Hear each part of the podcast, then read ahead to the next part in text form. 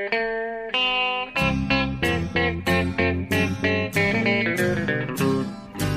out there, we're on the air. It's hockey night tonight. Tension grows, the whistle blows, and the puck goes down the ice. The goalie jumps and the players bump, and the fans all go insane. Someone roars, Bobby scores at the good old hockey game. Oh, the good old hockey game is the best game you can name.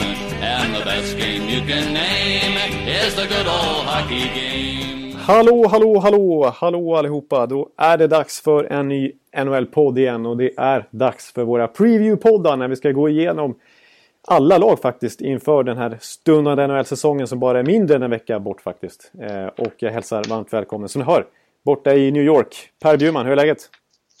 Tack, det är fint. Eh, det är härligt att vara tillbaka i New York efter det långa World Cup-äventyret.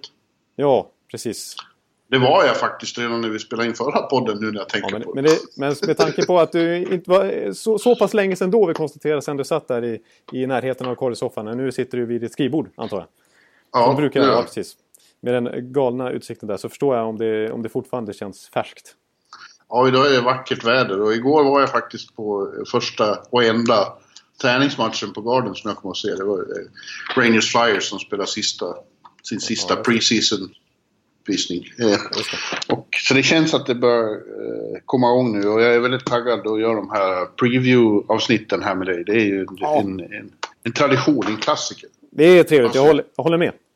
Ja. Eh, Jag tror att vilken, jag, jag, jag borde kolla upp det här, men vilken dag som helst där tror jag så, eller ja det är nog kanske några veckor bort, så firar podden tre år. Oj, oj, oj. Mm. Är det så? Ja. Då var det nästan fanfarläge för det var någon gång, om det var början av november eller slutet av oktober 2013 som första avsnittet spelades in faktiskt. Det får du kolla upp. Det där måste vi Så kolla till, så där kan vi inte vi- slarva bort. Då dricker vi lite champagne på den och pratar lite på salongsberusat. Det kan bli riktigt stökigt, men det, det, det blir en bra eh, cliffhanger känner jag. Och så bjuder vi in Jarko och Viktor Norén, de Ja, gäster det. vi har haft. En riktig sån eh, super eh, komprimerat i ett enda avsnitt då, kan man säga. Ja. jag- Du, jag ska avslöja en sak innan, innan, innan vi fortsätter. Eh, Jag blev häromdagen inbjuden att vara med i ett avsnitt av... Scott, Scotty Burnside hörde av sig och frågade om jag Oj, ville... ESPN, The Hockey, Hockey Today eller? Ja, de frågade om jag ville vara med någon med honom och Pierre LeBrun och Craig eh, Custon Custons, just det. som gäst. Det skulle ju vara, och det sa jag såklart ja till. Så jag kommer att göra ett... Jag kommer att moonlighta i en annan podcast här framöver på engelska. Är det sant? Det tycker jag ändå är coolt. Den där, är- ja, det hade jag inte koll på. Men det är en podcast jag kan lyssna på lite då och då. Hockey Today, the podcast. ESPN som rattar den, som du sa, den med Scott Burnside, Pierre LeBrun, Craig Custons och även Joey Mack ibland. Ja, jag märkt. Då får, då får vi att prata om. Jaha, han kan snacka. Ja, precis. Jo. Men eh, nu, nu har vi en rejäl eh, podd vi ska eh, få, få sätta igång med nu, helt enkelt. Ja, ja, faktum är att jag ju de senaste, ja, senaste veckan har grottat ner mig. Jag håller på till eh, bloggen Just med det, min just stora season preview. Så jag är inne i det här så det heter duga. Du behöver inte ens eh, du behöver inte ha någon form av stöd framför dig utan det här har du liksom här, du, du, Jag har ju nästan kört upp dig ur sömnen nu för det är tidigt borta i New York så att det där Nej, det nej, det är ingen fara. Det är ingen fara. Eh, så jag är inne på tankegångarna om, om varje lag. För jag, du vet ju att ni håller på med den här stora season preview. Just Det är det. ett jävla jobb. Ett monsterjobb. För jag eh, envisas med att inte vilja upprepa vare sig ord eller sätt att skriva meningarna. Ja, just det. Eller ingångarna i de här. Så jag försöker variera det.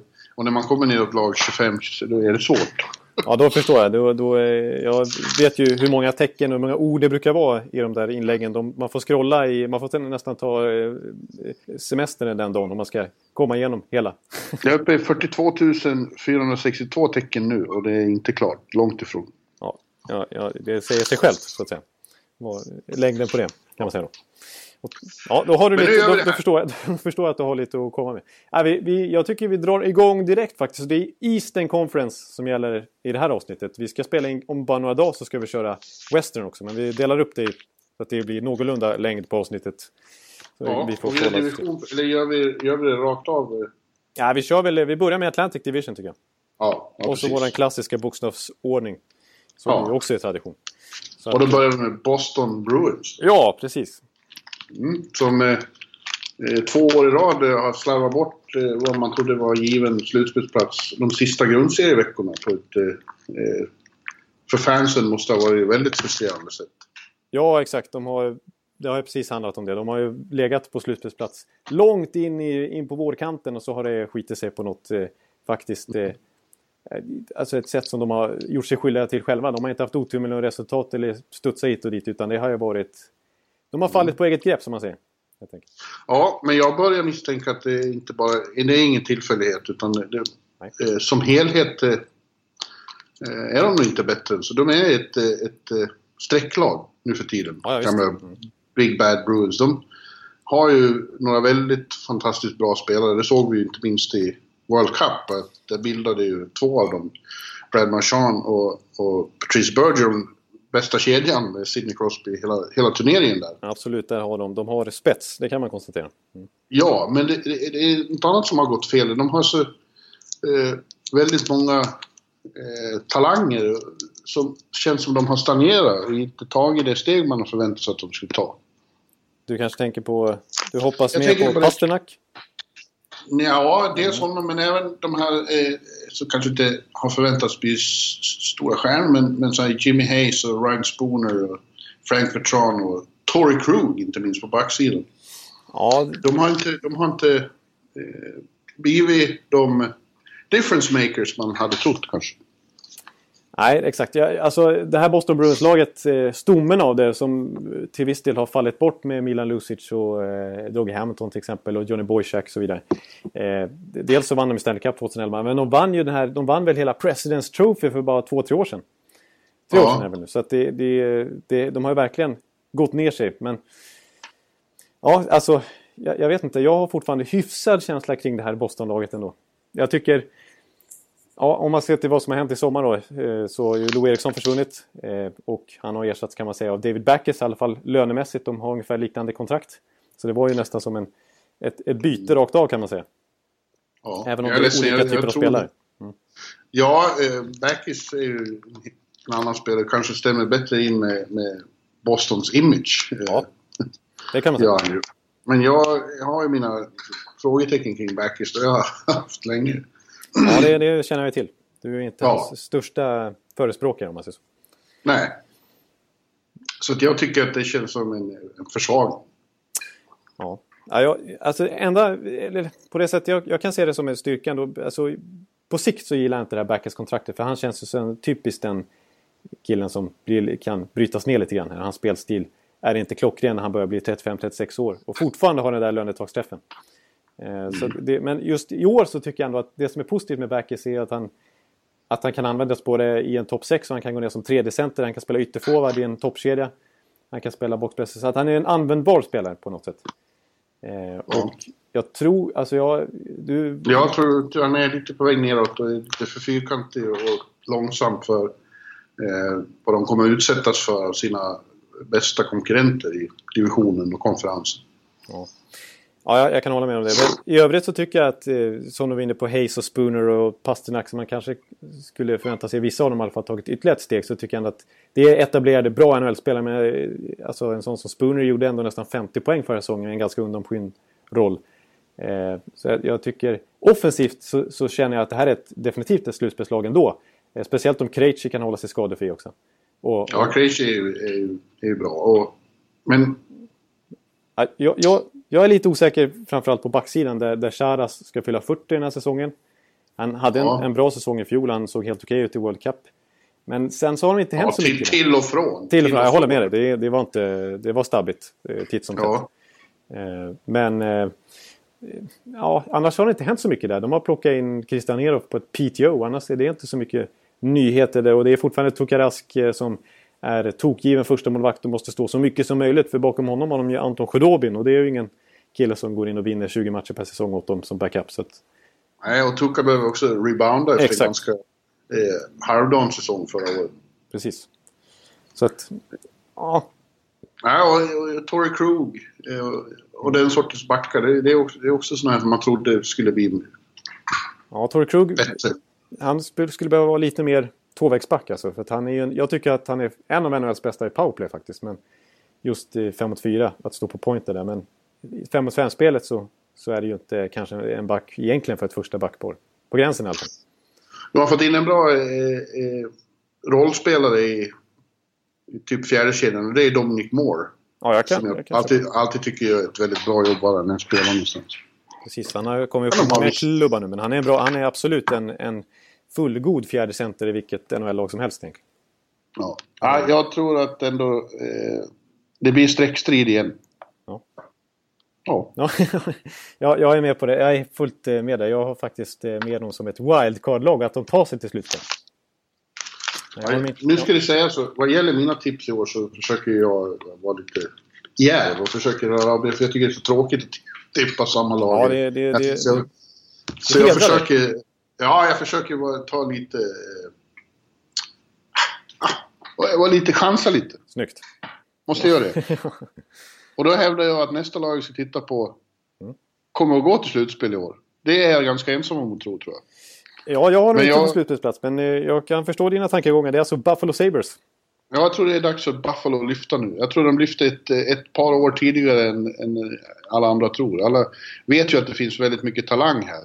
Ja, absolut. Eh, och hos... Eh, ja, de har ju knutit till sig Eichel och, Reinhardt och Ristolainen. Ja, Evander Kay. Det är, alltså, jag menar en sån som Ryan O'Reilly, han är faktiskt bara 25 bast fast han varit med Ja. många år nu. Tyvärr är han skadad nu precis när de ska in i säsongen. Ja. Lite, Eh. även, även haft skadeproblem på, på några till där. Och och Kulikov och Bogosian. De, fakt, som jag har sett, han kommer säkert att kapas vilken dag som helst. Men Alex Nylander är ju faktiskt fortfarande med på campen tror jag. Varit med Ja. väldigt länge i alla fall. Ja, eh, men eh, ja, det är flera anledningar till att jag tror... Eh, alltså, eh, om, om Kyle Poso får eh, komma in i, i första kedjan med O'Reilly och Kane så eh, får de nya gifttänder, då har de en riktig målskytt där också. Absolut. Det tycker jag ser ut som en jävligt giftig kedja Ja. till att börja med. Och är, tror jag är ett extremt bra förvärv för dem. Ja. Eh, och, och sen har de de här kidsen som kommer. Alltså. Det sägs att Reinhardt har varit helt fantastisk under eh, campen. Ja, precis. Så han kom på ett fint sätt under förra säsongen också. Han slutade väl på eh, rätt ansenlig poängskörd till slut också. Han är ju lite i skuggan av Ennis, men, eller Ennis. eh, Där, han är inte skuggan av Tyler Ennis, men av Eichel förstås. Ja. Eh, också ett jättehögt draftval för bara några år sedan. Så det, det är ju verkligen supertalangen Eichel och Reinhardt. Ja. Eh, och sen, eh, jag tror att, eh, jag vet att han, de fryser lite åt honom, men jag tror att Kulikov är ett bra, en bra partner åt Ristolainen på backsidan. Ja, alltså min, mina tveksamheter kring det här laget, det handlar ju faktiskt framförallt om eh, backsidan där. Alltså med, Ja, jo, den är, jag vet, den ser ju inte, den ser lite tunn, men jag, jag, ja, ja. du, du tror på det? Jag tror, på, jag tror på att det kommer ett lyft där för eh, nu, Ristolainen gjorde inget bra intryck under World Cup, det får man ju lov att, att erkänna. Nej. Men eh, nej, jag, och jag tror att Kulikov blir ett, eh, bra bredvid honom. Perfekt. Ja, perfekt. Ja, nu snackar vi att du, du, du, du, du är inte blyg här i alla fall. Nej, jag, jag kanske, Ja. kanske önsketänker lite här. Eh, och dessutom tror jag om Robin Lehner, honom har jag länge sett som den, han är en fantastisk talang. Ja, absolut. Förr eller senare kommer ett stort genombrott och jag tror att får han vara skadefri och slipper så skitskada som förstör, förstörde förra säsongen direkt. Mm. Eh, så kan han eh, en stor tillgång för dem. Och, och Dan Bausma i båset. Ah, Ja. jag, jag läser här vad jag skriver. Jag tror han får ihop det här. Ja, du ser. Du ser ja, jag, jag tycker inte det är helt eh, alltså, irrelevant och, och just det här med Lener, alltså vilken impact det kan få. För att han var ju ändå så pass eh, mycket skadad förra säsongen. Och Ja. hade de haft en, alltså tar han det där klivet och blir en riktigt fullvärdig första målvakt som jag också tycker att han har potential att vara. Och som han visade under de få matcherna han stod förra säsongen. Då, då, då, jag menar, de tog ändå 81 poäng förra säsongen som gjorde en rejält förbättring gentemot när de kom sist året innan. Så Ja. att jag, jag, visst, jag ser också potential att de kan ta 10-12 poäng till och då är de ju plötsligt verkligen med i streckstriden där. ja, jag tror de- att de- eh, de, de kan överraska och ta en, en wildcard-plats där. Ja men absolut, jag, jag tycker det. Alltså, och att de har ju förstärkt i Oakpose och alltså, kompletterat liksom den här uh, unga kärnan så, som borde kunna utvecklas också. Så jag, jag är, nu, nu när du säger det så, så tycker jag inte att det är helt orimligt. Nej. Nej. Nej. Ja, då går vi vidare till eh, ett lag som däremot kan missa sitt första slutspel på ett kvarts sekel. Ja, då vet ni vilket är vi pratar om då. Och det är Detroit Red Wings. Just det. Och, ja, det känns ju som att de har lagt sån vikt vid att komma till, förlänga den här eh, historiska slutspelssviten att de har glömt bort annat. Det har blivit sånt fokus på den så att när de väl har gjort det, sen har de bara pyst ut sig i första omgången utan att ha gjort något intryck alls. Eh, och det känns ju meningslöst. Jag tror det skulle vara bra för Detroit att missa slutspel en gång. Sluta tänka på det där och ta tag i saker som behöver, behöver tas tag i. Ja, jag håller helt med dig. Och det, alltså, det tycker jag inte man har gjort i sommar. Nej, det har man inte. För att eh, jag tycker man har gjort precis det där som du säger igen. Att, att det handlar lite om att förlänga sviten hela år efter år med lite konstgjord andning. För jag gillar ju verkligen värvningen av Frans Nielsen som spelare. Jag tycker han är väldigt bra tvåvägscenter och, och, och eh, fin i World Cup. Bra i slutspelet förra säsongen också. Eh, riktigt bra andra center i NHL. Perfekt i den rollen. Men eh, han är ju 32 år nu och man skriver ett långt var sexårskontrakt med honom. Eh, Ja, och och sen tar man in Thomas Vanek och Steve Ott. Precis, och då återigen så blir det liksom om några år här så, så sitter de lite i skiten där när de här spelarna har tappat ytterligare och, och ofrånkomligen är det samma sak som gäller med Jo- Jonathan Eriksson och eh, Henrik Zetterberg till exempel. Så att, och, men, och då sitter de klistrade mot lönetak som de gör redan nu med spelare som är svåra och ja, som, som är på nedåtgång helt enkelt. Och de har svårt att göra moves. Så jag tycker det... Ja. Ja, ja, och så har de ju inte tagit... Backuppställningen är ju densamma. inte... Ja, den inte, ja, och den är inte tillräckligt bra. Den, det där är något man måste ta tag i. Man måste också försöka ta reda på varför så många... För det jag sa om Boston stämmer ju ännu bättre här. Att de har en massa talanger som fastnar på något vis i utvecklingen. Precis alltså. Vi trodde ju för två år sedan att, att de, nu kommer det killar här, Tatar och, och Glenn Enning och, och Nyqvist och- company. Ja, precis. Alltså, eh, Mrazek visar ju väldigt fint eh, målvaktsspel i början av förra säsongen. Men sen tappar han också.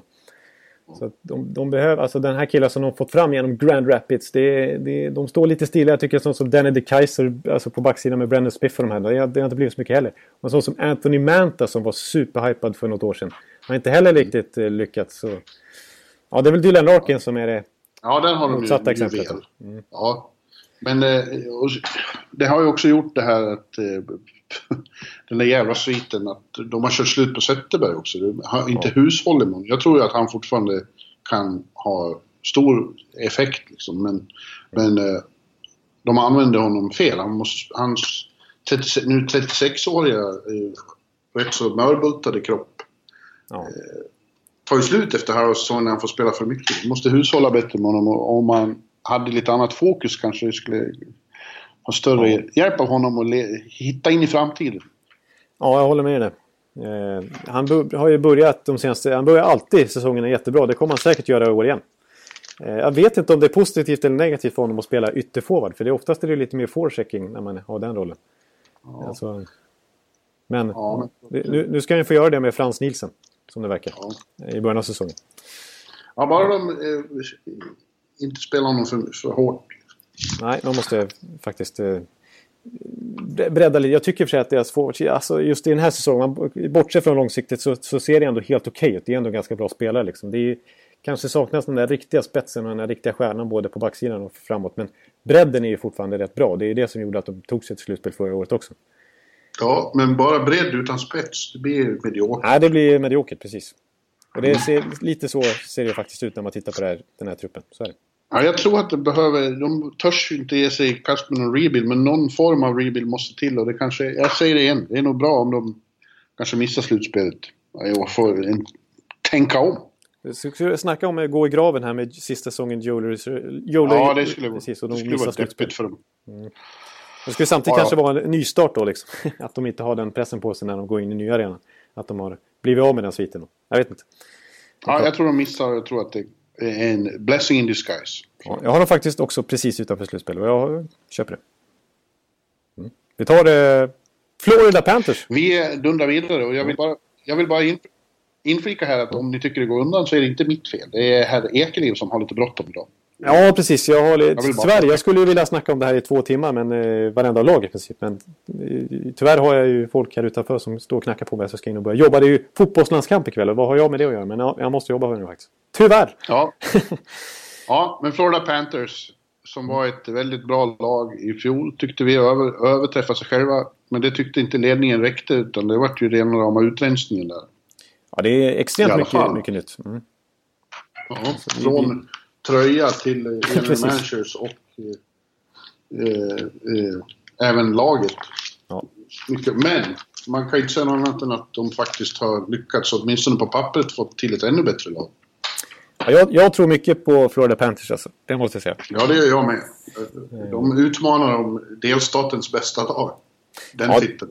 Precis, de vann ju faktiskt divisionen förra året. I grundserien. Ja. Sen åkte de ut direkt eh, i slutspelet. Ja, men det, var, det var väl ingen som... Ett igen, när allt var sagt och gjort, sa att Panthers är bäst i Florida. Men... Eh, nej.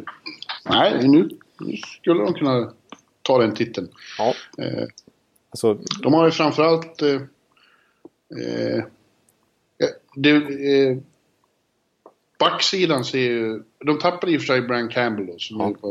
en, en, stor, stor resurs där. Stor men possession darling också, som gjorde sina ja. lagkamrater bättre. Ja, men nu känns det som att de har eh, ändå upp, uppgraderat. Framförallt har de ju tagit in Keith Yandel då, som aldrig riktigt blev uppskattad i New York. Men är en eh, enastående herre på uh, puck movement och, och, och, som quarterback på blålinjen. Och tillsammans med Aaron Ekblad känns som man kan bilda ett av ligans absolut mest fängslande backpar. Jag håller med. Det, det, ser riktigt bra ut. Och, och, alltså dels att de har ett sånt toppbackpar men att de även fick in Jason Demers. Ja. Dallas är ju starkt. Eh, för en lite billig penning. Det sades att han nästan gick ner i, i att han hade bättre ekonomiska bud att eh, ta ställning till. Men han valde ändå Florida Panthers faktiskt. Ja. ja. Det, är inte, det är inte de vana vid. De är vana vid att behöva överbuda för att få dit skickliga spelare. Eh, även, jag tycker en som är lite underskattad på backsidan som nästan kan betraktas som ett nyförvärv är ju Mike Matheson som kom, fick eh, liksom bli ordinarie, kallades upp från AHL i slutet på säsongen. Var jättebra, var helt ordinarie i slutspelet och sen så fick han till och med spela VM för Kanada. Och var superbra där också. Så han är, ser jag definitivt som en topp 4 i back. Riktigt bra potentiell topp 4-back i den här säsongen. Mm. Faktiskt. Ja, det verkar som Jakob Kinder som finns han, han fick inget... Eh, han tar ingen plats. Han är typ Nej. sjunde eller åttonde. Ja, precis. Nej, jag tycker Alex Petrovic som de har där också är fullt duglig. Så att, mm. Och Mark Pysyk var en speciell trade också. Det måste jag bara, apropå, det har vi varit inne på tidigare, men alltså det är ju verkligen en symbol för det här nya med fancy stats. Att de bytte bort Kulikov som har mycket bättre statistik på pappret sådär. Men kollar man på de underliggande siffrorna så ju Mark Pysyk helt sensationella siffror. Och det var en trade nästan rakt av där. Eh, ja, det är ju så. De har ju, eh, den nya eh, general managern har ju fått två whiz-kids inne på, som är inne på fancy stats väldigt mycket. De försöker bygga ett sånt lag. Precis, det är, det, är, det är väldigt mycket den typen av spelare. Alltså Jandel har ju fina siffror också. Och Demers, ja. så det, det, är precis så de bygger, bygger laget. Offensiv, offensivt så ser det ju rätt likadant ut. Eh, ja. Med några väldigt fina. Men även där har de ju pluggat in sådana som är, vad jag förstår, sådana stats-favoriter som Jared McCann och ja. eh, vad heter han från eh, Tampa? Jonathan, Marchesso. Jonathan ja. Marchesso. Mm. Lite billiga sneaky värvningar för bottom 6 sådär. För att... Och Colton, hur tar man Sevier, det? eller jag vet inte. Jag, jag, jag, jag också bara rakt upp och ner. Jag har ju alltid fel. Så att förmodligen uttalas han helt annorlunda. Men, ja. Nej, men, annars... ja, men inte, klart intressant. Ja, jag tycker det. En, ett litet frågetecken jag har för dem, vilket ju borde vara en stor eh, eh styrka. Eh, alltså det, naturligtvis är det övervägande positivt att de har lyckats signa upp alla sina talanger här på långtidskontrakt. Alltså Ekblad skrev ju ett, har ju redan förlängt eh, och eh, Trocek skrev långtidskontrakt. Riley Smith gjorde det. Barkov gjorde det i januari. Eh, eh, Bjugstad har gjort det. Huberdo har gjort det. Alltså, ja, det är lite har en rädsla för just här i början. Det kan vara också att, att de känner sig lite nöjda. De, har inte, de spelar inte för ett kontrakt längre utan nu har de sina pengar säkrade fram till 2023 liksom. Eh, jag vet inte om, om det på något sätt kan påverka motivationen någonting. Eller Nej, om det bara är positivt att de har lyckats eh, knyta upp sin kärna. Jag tror inte det. Så där brukar man överskatta betydelse. Är det om de som har kontrakt, vissa spelare när de har kontraktsår ja. Eh, höjer sig men ja, det här känns som ett, ett väldigt bra byggt lag också. De har ju, det hade de redan i fjol och har fortfarande en bra mix av så här, ålder och var, var, olika spelare befinner sig i karriären. Och så. Ja, jag håller med om det. Och till och med från Jaromir Jagr ner till Aron Ekblad. De är, det är verkligen dubbelt så gammal kan man säga. Och det, ja. det sjuka med Jagger är att kollar man på hans eh, statistik förra året så var ju han alltså den som gjorde mest poäng, alltså eh, högst points per 60 som det heter. Alltså flest poäng per 60 spelade minuter. Det är ju helt sjukt när man är så gammal som han är. Trots allt. Ja. Ja. Så han har inte visat någon attacken än så länge på att gå ner sig. Så att jag tror inte vi får se någon massiv tillbakagång i år heller. Jag tror Jagger kommer att räkna med första kedjan med Barkov och Juber då. Säkerligen. Jag har dem tvåa i Atlantic. Jag har dem etta. Oj, oj. Ja, i grundserien. Jag tror inte att det, att det blir något Stanley Cup i år kanske, men eh, jag tror de vinner igen. Inga svenskar, det får inte gå till Stanley Cup. Nej. Nej. Ja, eh, sen är Montreal då. Mm. Eh, som hade en sån eh, absurd säsong i fjol. Började som praktiskt taget oslagbara. Sen går Carey Price sönder och allt faller ihop. Totalt. Vilket bevisar att han, han, han är nästan ohälsosamt viktig för Montreal. Ja. Uh, inte bara för, som målvakt, även om han ju är fantastisk där med sin... Med sin lugn. Nästan, ja, sitt uh, abnorma lugn. Ja. Uh, men hans, hans psykologiska betydelse var åtminstone för stor. Det ska inte vara så enormt viktigt eh, som, som det var. Nu är han dock, verkar ju vara 100% tillbaka och håller han... Och man kan, måste, kan ju tycka att han inte ska ha samma otur igen. Nej. Eh, och, och, och, och är Carey Price hel, då är Montreal ett eh, slutspelslag. Ja, jag, jag håller med dig. Det, det, jag har dem faktiskt... Eh, jag har dem tre som en ordinarie. Ja, jag med. Ja, eh, och de, dessutom så känns det som de har gjort, eh, tagit in några herrar som känns som de är lite bättre rustade även om Carey Price inte skulle vara eh, redo för strid hela tiden. Jag tror att eh, ja, det är många som har ifrågasatt den stora traden de gjorde. Men, eh, den kanske blir problem framöver, men i år tror jag att Shea Webber kommer att vara en, en stor tillgång för Montreal. Ja. Både som ledare och hockeyspelare. Ja, I, synnerhet, I synnerhet om det händer liksom sådana där saker. Ja, precis. Jo, men det, jag, jag, ser också just den här säsongen, även, även om vi har kritiserat den här traden ganska ordentligt i somras, så, så på kort sikt så är det ju definitivt eh, ingen vi större... vi, du har! Ja, jag har gjort det i alla fall. Ja, på kort sikt så, så är det ju ingen större eh, försvagning. Jag menar, peak, jag menar, Shea Webber är trots allt en av de bästa backarna i NHL fortfarande. Eh, och framförallt så, så som han, hans manner som ju allt ifrån Mike Babcock till liksom, ja, hela, hela hockeyeliten där borta i Kanada snackar sig så varm om. Eh, så att det är klart att... att och det, han känns ju mycket mer som en Michel Terrien-spelare, vilket ju naturligtvis inte är någon komplimang. Men det är ju trots allt han som bossar där borta och, och han kommer ju älska Webber. Så att mycket mer än man gjorde Piqué Subban kan man säga. Eh, så att jag, jag tror ändå... Ja, det är väl så att uh, Webber passar bättre in i, i det system uh, Therien ja. försöker ja. implementera. Ja. Och även en sån som Andrew Shaw är, känns det som en ja. Therian-spelare. Så att det kommer att vara ganska jobbigt att möta den alltså när det är Webber på isen, Andrew Shaw, och Brendan Gallagher och så vidare. Jämmer. Ja, jag tror att Shaw, Shaw bidrar ju också med eh, liksom, lite taggar som inte skadar Montreal. Nej, faktiskt. Eh, jag tror på pappret är Montreal det minsta laget. Både vikt och längd, alltså i alla fall där i absoluta botten. Så nu har de höjt upp sig lite grann där. Nu är inte Andrew Shaw någon stor spelare heller, men de det är lite tuffhet de har fått in och det är ju det som Therian och Bergevin gillar. Faktiskt. Ja, så får vi se vad som händer med Radulov. Det blir ju spännande. Ja, det är ju ett wildcard som eh, känns mycket bättre än vad Alexander Semi gjorde förra säsongen i alla fall. Eh, Radulov ja. har ändå dominerat KHL i flera år i rad. Här. Nu är det ju för sig tredje gången helt eh, han kom över. Så att eh, han har misslyckats kapitalt två gånger tidigare. Så att, eh, ja, det har ju handlat mer om saker utanför isen. Ja, precis. Så nu vill det till att han håller sig i skinnet. Men han borde ha lärt sig läxa tycker man. Och ja. det har sett ganska bra ut på försäsongen här tycker jag.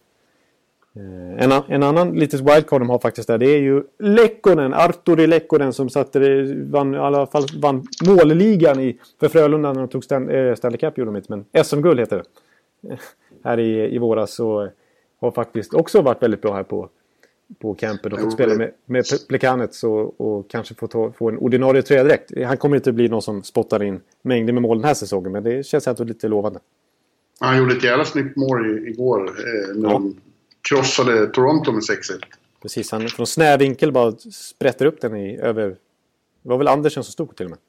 Såg var snyggt. Ja, jag tror att Montreal-fansen, eh, som är många, har... Eh, anledning att känna tillförsikt inför den här säsongen. Ja, jag tror, jag tror definitivt att de kommer ta en ordinarie slutspelsplats. Det känner jag. Ja. Vi går vidare med Ottawa Senators. Eh, som inte... Deras fans känns det som att de kanske inte riktigt har samma tillförsikt till den här säsongen. För där, där känns det lite, lite stiltje på något vis. Ja, ja eh, det är Erik Karlsson eh, och sen är det ingenting, höll jag på att säga. Nej. Lite mer är det ju, men det är hans show helt och hållet. Eh, Och om man tar bort, eh, tar bort Erik Karlsson i ekvationen så är det bara ett, ett, eh, extremt svagt lag kvar tycker jag. Ja, eh, ja, framförallt defensivt och, och målvaktssidan. Det, det har ju faktiskt inte hänt någonting. De har inte förstärkt på något vis eh, defensivt eh, till den här kommande säsongen. Det är fortfarande samma backuppsättning och samma målvaktspar med Craig Anderson och Hammond där båda, framförallt Anderson, börjar bli lite i åren också och faktiskt har tappat lite. Och det är konstigt att de inte har gjort någonting mer åt det. De gjorde en stor trade när de tog in Dion Phaneuf i slutet på förra säsongen, men det var ju nödvändigtvis ingen superförstärkning. Nej. Eh, Framförallt inte lönetaksmässigt. Så att, eh, däremot så vill jag, tycker jag ändå att, att deras forwardsida får lite väl mycket skit kanske. För den tycker jag ändå ser rätt så bra ut med Mark Stone som jag gillar väldigt mycket. Ja, det finns Stone och Hoffman, och så, Hoffman men de är, de är bra men uppenbarligen inte tillräckligt bra. Nej. Nej, de, de saknar... Eh, Och det finns inget... Det, ja, det finns ingen marginal för liksom, eh, några svackor eller så här. Eh, De måste vara på topp hela tiden för att eh, Ottawa ska ha minsta chans. Ja, precis. Ja, jag, jag tycker... Och Bobby Ryan har svajat lite också. Inte varit den där superstjärnan som de förväntade sig när de skrev ett super, ett monsterkontrakt med honom för ett par år sedan. Eh, De har chans här nu att plocka in Derek Brassard, Ottawa-sonen, mot Mika Zibanejad. Men ja, jag, jag, tycker Brassard är en bra spelare. Men, men på, det var också lite märkligt trade med tanke på att Zibanejad är sex år yngre och borde ha potential att Ja. på sikt bli bättre också än vad Brassard har blivit. Det känns som ett lite nollsummespel just nu. Ja. Eh, Men att Rangers kommer vara de som tjänar på det i längden. Exakt. Eh, Så, ja, jag, jag, är inte, jag är lite frågande till vad håller på med den nya general managern Pierre Dorian som har fått ta över efter Brian Murray. Eh, och ja, jag har ju haft, eh, som Tampa-fan har jag ju haft eh, stor relation till Guy Boucher. Ja, men jag, jag känner viss tvekan inför honom och framförallt är, jag orolig för vad han kommer att göra med, åt eh, Erik Karlssons karriär. ja. Han har ju inget... eh, Just offensiva backar har, har sällan eh, blomstrat i hans system. Nej, det kan man kan, absolut eh, konstatera. Han är ju, han är ju taktiskt skolad, det är han ju. Och han, han ju, får ju ofta till en bra organisation. Men han hämmar ju ofta också de absolut bästa spelarna. Och Ja, det skulle vara så defensivt. jävla tråkigt om, om Erik eh, sätts i tvångströja. Ja, och det, det är förmodligen inte jättebra för Ottawa heller. För trots att jag har suttit och berömt Stone och, och Hoffman och Turris och gänget här nu så var det trots att Erik Karlsson som gjorde mer än 20 poäng än de- dessa killar. Han var, vann ju deras interna poängliga totalt överlägset. Så att eh, han är ju deras viktigaste spelare både offensivt och defensivt. Eh, och ska han då hämmas av ett nytt spelsystem så är det nödvändigtvis inte positivt. Jo. Verkligen inte. Det är tråkigt på så många andra sätt också. Vi kommer att sitta igen och säga att det är för tråkigt att eh, hans enorma talang och, och artisteri förslösas i, i, i ett så mediokert lag. Ja, för det, det får man ju ändå konstatera att Ottawa är. Och jag tycker det, det, är så jobb, det är en svår situation för dem också. För att deras killar som har tagit över som den nya kärnan. Erik Karlsson är ju nästan veteran. Jag menar, nej, men de har ju mycket killar i den åldern som 24, 25, 26 någonstans. Eh, Stone och gänget också. Så att de, de kan inte... De är inte riktigt inne i någon rebuild heller. Utan det är ofta, alltså den nya prime-tiden för spelare är ju runt här runt 24, 28, 29 år. Och många av de här killarna är just inne i den åldern också. Så det är ju, trots att man tycker att det här lagbygget, lagbygget är i obalans så är det ju faktiskt... Börjar de spelarna komma upp i de åldrarna att de ändå ska börja leverera. Så att de, de, de kan liksom inte börja tanka något sånt där heller. Utan de kommer ju gå för en, i allra högsta grad gå för en slutspelsplats och ha den självbilden när de går in i den här säsongen också. Så jag vet inte, jag tycker... Nej, det är ingen bra situation just nu i Ottawa. Inte. Nej. vad har de sist eller näst sist i Atlantic. Ja, jag har dem precis där också. Jag kan inte riktigt bestämma för mig för vilket lag som slutar sist. Men de, är, de kommer inte gå till slutspel. Så är det bara. Nej. Det är de eller nästa lag vi tittar på va? Ja, eh, där är, jag ju lite frågande. Nej. Nej, jag har ju- Toronto. Toronto? Ah, Okej, jag trodde du skulle gå in på Tampa Bay. Ja, just det. De ja. gå före ja. Jag, jag trodde det var en superdiss. Ja, förlåt. Apropå... Nej, förlåt. Ja. Tampa. Ja. Jag gick händelserna i förväg. Ja, Tampa är ju en, en uh, given contender tycker jag. Till uh, att gå till final igen. Vad som möjligen tar emot dem, det enda som tar emot dem tycker jag är att de har spelat extremt mycket hockey de sista två åren. Uh, var i final ena året och uh, konferensfinal, en match ifrån ny Stanley Cup-final. Och ibland så, eh, ja, det, så, så får ju det där eh, konsekvenser. Ja. Att materialet blir utslitet. Men, men eh, bortsett från det, herregud vad, vad de åstadkom i fjol med alla problem de hade med, med eh, Durans eh, konflikter med Duran. Ja. Stamkos kontraktssituation och Stamkos skador och andra tveksamheter kring kontrakt och de är ändå en match från Stanley Cup-slutspel. Eller från Stanley Cup-final. Just det. Och samma, i princip samma lag ska ut igen. Och kommer inte att ha de här problemen med all säkerhet. Nej. De känns svårstoppade, hör du. Ja, jag, jag, tycker det känns bra också. Precis, mitt enda frågetecken som jag skrivit upp här lite grann, det är just också det här med att de skulle vara utmattade och att de faktiskt hade 12 spelare i World Cup, i alla fall 11. Eh, men, ja, det där är ju en faktor som man faktiskt får titta på också. Hur det kommer att påverka i, i slutändan. De, ja. de kommer att ha fördel av det nu, de som var med förmodligen att de är igång från ja. början. Mm. Men eh, framåt mars-april så kanske det kommer att kännas i benen på Ja, för det blev en ganska kort sommar då när de gick eh, spela ända in i juni och sen så är det dags, för, dags att spela matcher redan i tidigt i september. Liksom, för, för ja. nästan hälften av spelartruppen. Ja. Att, eh, men men jag håller med dig, det, det, det, ett annat frågetecken är förstås då vad som händer. Det kan lösa sig vilken dag som helst. Eller så kan det fortsätta dra ut på tiden tyvärr det här med Nikita Kutjov som inte är med på campen. Och som fortfarande inte har skrivit på något nytt kontrakt. Och det förstår jag med tanke på att hans marknadsvärde är högre än de 5,5 miljoner de har i lönetaksutrymme. Jag tycker att Kutjerov kan begära 7 miljoner per säsong, minst. I de slängarna. Eller kanske ett kortare kontrakt på 6,5 och sånt där. Men det är fortfarande för lite. Eh, för mycket för Tampa Bays budget just nu. Ja. de måste ju lösa det på något vis och bli av med de spelare. Det är inte helt lätt hur de ska lösa det. För att det, det är, de som de vill bli av med kanske de inte andra klubbar så gärna vill plocka över. Typ en sån som Brian Callan. Inte så lätt tradad utan att plocka tillbaka lön själva. Nej, det är några lag som fortfarande har problem med det här. Och det mindre än en vecka till seriestarten. Anaheim har ju också besvär här med hur de ska få Precis. ihop det. Med Lindholm och Rakell ja. Så det, det, det, det ja, Men det där är det, är ändå, det finns någon slags eh, eh, eh jävla namma i den här truppen tror jag. De är ett så otroligt tight gäng. Och om allting, om de har lite mindre oflyt än i fjol så är det ett, eh, absolut en finalkandidat egentligen. Ja, och jag tror, jag tror faktiskt att, att det kan bli ännu lite bättre om Kutjov skriver på och det faktum att vi har, alltså jag menar, Duran är med från start nu. Och borde kunna ja. ta kanske ett kliv till. Och vi har, eh, nu säger jag vi. Tampa har Namesnikov som också, som också börjar se väldigt intressant ut. Och Conacher var ju fantastisk i NHL under, och AHL när han hade Cooper som tränare tidigare. Så det är, de är ju en liten tandem de två. Eh, så att jag, jag, tycker det finns ännu mer potential i den här truppen att klämma ur. Kräma ur för de är ju, det är ju väldigt många 90-talister av de här killarna faktiskt.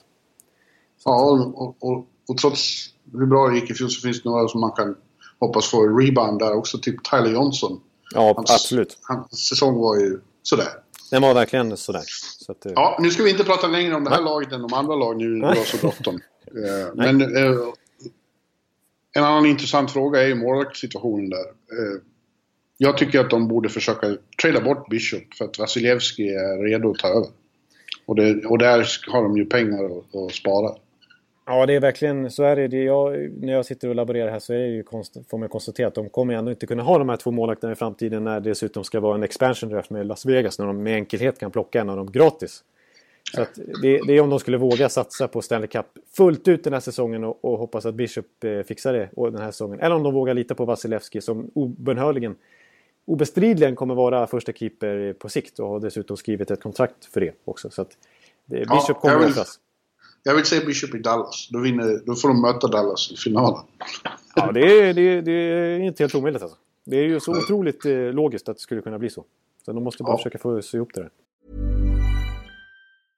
Cool fact a crocodile can't stick out its tongue. Also, you can get health insurance for a month or just under a year in some states. United Healthcare short term insurance plans, underwritten by Golden Rule Insurance Company, offer flexible, budget friendly coverage for you. Learn more at uh1.com. Ja, men nu hoppar vi eh, bryskt vidare till laget som jag trodde, som jag menade att Ottawa får slåss om sista platsen i, i divisionen med och det är då Toronto Maple Leafs. Eh, mm. Som eh, Mike Babcock på sista presskonferensen i, eh, efter World Cup-segern sa där att eh, det här är bara ett, eh, ett omen för vad som kommer att hända i Toronto. Oh. och det må ju vara hänt, men det kommer inte att hända i år. Ska, ska Toronto lyckas så är det återigen tålamod och väntan och hålla sig strikt till eh, kärnaplan. Som de ja. kallar den. Precis, det har ju verkligen varit eh, bra hittills. Alltså, det har varit väldigt tålamod även bland fansen för kärnaplan. Och man har ju sett effekter av det som har varit positiva hittills. Visst, de har slutat sist förra säsongen men de har ju verkligen en, en mycket spännande rebuild på gång här nu som kröntes av att de fick Austin Matthews. Ja. Och, och Wieland Nylander... Mm. De, de, kommer ju att gå uppåt men eh, hoppas nu bara de förstår att eh, det inte är någon katastrof om det blir en dålig grundserie en, rent resultatmässigt. Eh, det finns ju ändå, alltså man ska, det är ju några jävla vinnare som, som styr klubben. Ja. Och de, det är lätt att prata om att vara tålmodig men jag tror att de är hungriga också. Precis, för de har ju ändå lite, de har ju ändå liksom ansamlat så pass mycket kvalitet nu så att eh, framförallt ung talang så att det, det, man blir lite lockad av att liksom verkligen gå för det direkt nästan. Särskilt nu när det är Centennial Season för Toronto också. 400-årsjubileum och ska spela Centennial Game och allt det. Det är ju fel NHL också. Så att jag tror de var lite påfrestade av det. Men trots allt så är det ju faktiskt så att eh, Nylander är ju bara 20 bast. Eh, Matthews är 19. Mitch Marner är väl 19-20 bast. Riley är fortfarande bara 23, 22, 22, 23 någonting. Alltså kärnan ska, de ska ju vara de här ska ju pika om några år, som du säger. Ja. Det är absolut mm. ingen katastrof om det går dåligt nu. Och i den konkurrensen som är i Atlantic Division heller. Eh, men det skickar ju lite signaler att, att de är sugna nu på att börja avancera uppåt i tabellen när de tar in en sån som Fredrik Andersen och träda bort ett, eh, flera, två höga draftval mot honom och skriver ett jättekontrakt med honom. Och det, det signalerar ju att de vill spika igen kassen liksom. Ja, och där är, är, är, känner jag mig inte hundraprocentigt övertygad om att dansken är svaret på deras böner. Han, han har ju varit tidvis enormt bra, men han är ojämn och nu ska han dra lasset som ja. uttalad förstemålis. Ja. ja, jag håller med. Eh, han har ju kunnat räddas lite av antingen Hiller eller, som var helt okej för några år sedan och, och inte minst Gibson här senaste åren. Att de kunnat alternera när de har haft, eh, gått lite svagt. Nu är det ju Enroth här som är en fullt duglig backup. Han har ju blivit expert på den rollen i NHL i nästan alla lag han har varit i. Eh, men Andersen kommer ju tvingas dra ett tyngre lass än man är van vid och inte stå eh, ha ett lika starkt försvar framför sig heller. Så han kommer prövas på ett helt annat sätt. Än, så jag är lite frågande till att man faktiskt skriver ett sånt här saftigt första målvaktskontrakt utan att ha sett han en enda match i Toronto. Än. Ja, det kommer att bli en del roliga kvällar för Toronto men det kommer att vara eh, kommer att vara i botten igen. De kommer att vara i botten igen. Och jag hoppas, man får bara hoppas för eh, att det inte... Att, att de håller fast vid det här tålamodet och jobbar på sikt. Exakt, och jag tror en faktor som kan göra att de slutar ännu lite längre ner än vad de skulle kunna behöva göra är för att om de är, är utanför slutspel när det börjar närma sig trade deadline där så tror jag att de kommer börja släppa veteraner och, och liksom småtanka lite ändå. För de har sånt tankvänligt lag med veteraner på, som sitter på utgående kontrakt som de kan skicka. Liksom. Ja. Att, eh, mm. Men det ska bli kul att se Austin Matthews. Han är ju uppenbarligen en, eh, en alldeles särskild sorts talang. Det är ju bara så. inte bara... lika, kanske lika magnifik som Conor McDavid, men inte en långt efter. Nej, jag tycker han är, han är i klass med Alltså de här andra riktiga super första rundarna som varit de senaste tio åren. Man ger, alltså i klass med Kane, Stamkos, Tavares. Den, den kategorin ja. skulle jag placera Matthews. Ja, och det är inte... Det är inte fiska. Nej, det är inte kattskit. Det är, det är franchise-klass i allra högsta grad. Och han kommer... Ja. Jag tror han kan göra 50 poäng direkt. 60 till och med kanske. Men det är lite, det, vi får se lite. Han har ju faktiskt matchat i tredje kedjan väldigt... Lite, lite, lite passivt, eller säga, defensivt som man ska säga, av, av backup. Men samtidigt så, som jag förstår det, så är det lite grann också för att han ska slippa de hårdaste matchupsen. Så att han kanske ska matchas mot en tredje kedja snarare än en första kedja direkt. Mm. Men då blir det å andra sidan lite mindre speltid. Ja, nu byter vi division och hamnar ja. i Metropolitan. Exakt. Och där börjar vi med Carolina Hurricanes och här har vi en av mina chansningar igen. Jag tror att eh, Carolina, precis som Buffalo, har chans att eh, skrälla och gå till slutspel i år. Eh, jag tycker det finns väldigt... Eh, det, det, som tar emot är att de har samma målvaktssituation som förra året. Eh, precis. Cam Ward inte längre är något att hålla i handen. Och Eddie Leck inte nu har visat att han är, är, är redo för rollen som första keeper. Men bortsett från det så är det ett jävligt intressant lag med en otroligt... De, de, de förbättrade sin eh, poängskörd med 15 poäng redan förra ja, året. Exakt. De är, på, de är på uppgång, tydligt uppgång och har en, tycker jag, en väldigt bra coach som, som eh, navigerar åt dem här. Precis, Bill Peters. Och det är bra signal att han väljer att förlänga också. För att han, ja. Jag tycker han har höjt sitt värde så pass mycket under åren i Carolina att han skulle kunna vara intressant för andra projekt i NHL. Alltså andra, andra lag. Så att ja. han väljer att stanna där. Han tror på Carolina. Han är bra på... Eh, ett intressant system. Han är också bra på, på verkar det som, att förlösa unga talanger. Ja, ja visst. Och få dem att ta bra steg framåt. Viktor Rask är ett jävligt bra exempel på det. Absolut. Och, alla backarna där med Pesci och Slavin och sådär som man inte snackade om så mycket inför den säsongen men som tog oss med storm lite grann. För att eh, den backsidan ser ju väldigt bra ut med Hannifin och Falk. Ja, precis. Exakt. Eh, där finns det ju några han... Eh, det är det jag chansar på, att han får några av dem och ytterligare några killar. Sebastian Aho till exempel, som ja. är extremt intressant. Terreveinen som får en större roll nu än man hade i Chicago liksom. Ja. ja jag tror att det, Carolina kan bli lite sensation. Ja. ja men, men det bygger också på att eh, antingen Ward eller Läck har betydligt bättre säsong än i fjol. Exakt, och det tycker man kan peka på redan som, som du varit inne lite på att man såg en tydlig förbättring förra säsongen. Faktum är att de, hade, att de var det nionde bästa, nionde bästa possession-laget i hela NHL. Alltså när det kommer till att generera skott framåt och inte släppa till så mycket bakåt. Men de hade näst sämst målvaktsprocent av alla lag. Det var bara Calgary som var sämre. Ja. Det, det, säger ju lite grann om vart problemet ligger. Men att, men att det också finns stora styrkor i spelsystemet och vilket material de sitter på. Och som du är inne på så tror jag faktiskt att många av de här spelarna kommer att ta ett steg till. Mm. Och jag, gillar, jag gillar några billiga värvningar de har gjort också i Stempniak, Stålberg. Sådär. Ja, precis. Som jag, som... Ja, de har stagat upp. Liksom. Ja, precis. Det var det som var, de var lite, kanske lite sårbara trots allt eh, förra året. Och det märktes ju länge säsongen gick. Men, men nu tycker jag att de känns ganska habila både bakåt och framåt eh, spelarmässigt. Det är just målvaktssidan. Ja. Faktum är att de har 16 miljoner till lönetaket också. Så att det kommer inte vara så... Det, det är ju ett budgetlag men om, om, mm. om de kan spendera till lönetaket så kommer de inte ha några problem att behålla den här kärnan heller. På sikt. Nej. Så det är positivt.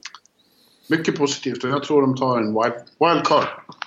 Ja, jag måste se vad jag har skrivit upp. Jag har dem faktiskt...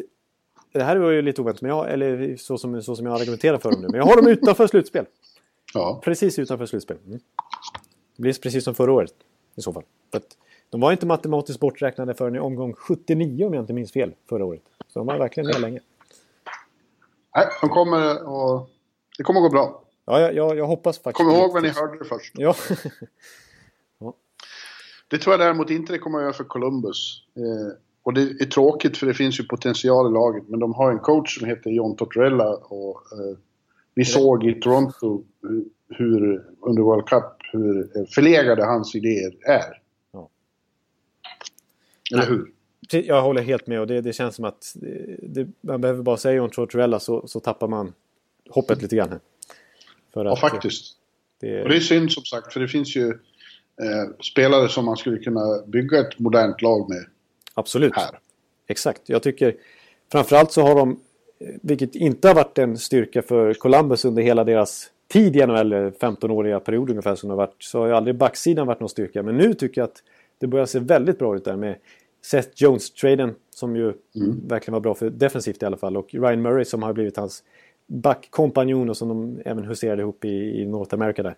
Och sen då Zach Wierenski som, som, som, är det, som var deras första val förra året. Som har varit en sensation här på campen. Och som dessutom var en sensation och dominant i AHL-slutspelet när han fick hoppa in där.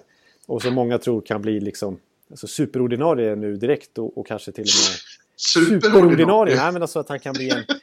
Vad betyder det? Man spelar varje byte? Ja, precis. Man spelar alltså 45 minuter per match. Nej, men han, Ja. han, han fick i, i den senaste träningsmatchen, nu ska man absolut, det har ju vi konstaterat hundra gånger att, att, att hålla på och analysera ut efter träningsmatcher, det är ingen större poängvits. Men han Nej. spelar faktiskt mer än vad Seth Jones gjorde då. Eh, och får enorma vitsord. Och Han, jag gillar, han är ju storväxt, han är extremt bra på skridskorna, han spelar väldigt, han är ju perfekt på att hitta lösningar i egen zon och komma ur egen zon med enkla första pass och sådär. Så att han har både det Tortorella gillar i att vara stor och stark framför kassen men också det här moderna possession-spelet och flytta fram spelet och, och liksom lyfta sina lagkamrater. Så att jag, tror, jag tror Borensky är alltså en som vi kommer prata mycket om nästa. Tyvärr så spelar han ju fel lag bara. Mm, det är ju det. Det gör också Alexander Wennberg och det gör eh, Boone Jenner, din gamla favorit. Absolut. Eh, Men alltså vi, vi pratar om en coach som laborerar ibland med idén som Brandon Dubinsky som första center. Ja. Jag tycker att det... Det säger allt. Ja. Jag tycker det är tråkigt. Ja, det, det, de, de kommer i en liga som, som navigerar mot eh, fart och, och kreativitet och, och fantasi och, och teknik. Ja. Så kommer det här laget att fortsätta med sitt jävla grindande och täcka skott och, och, och dumpa puck. Precis, och, och bänka som man gör misstag liksom. Ja. Så att, eh, Nej, ty- tyvärr. det, det, det blir, de, blir, de slutar, jag, kan, jag, tror att, eh, jag har en känsla av att du har samma tips att de faktiskt slutar sist i Metropol. Ja. Ja, det, det tror jag. Tyvärr.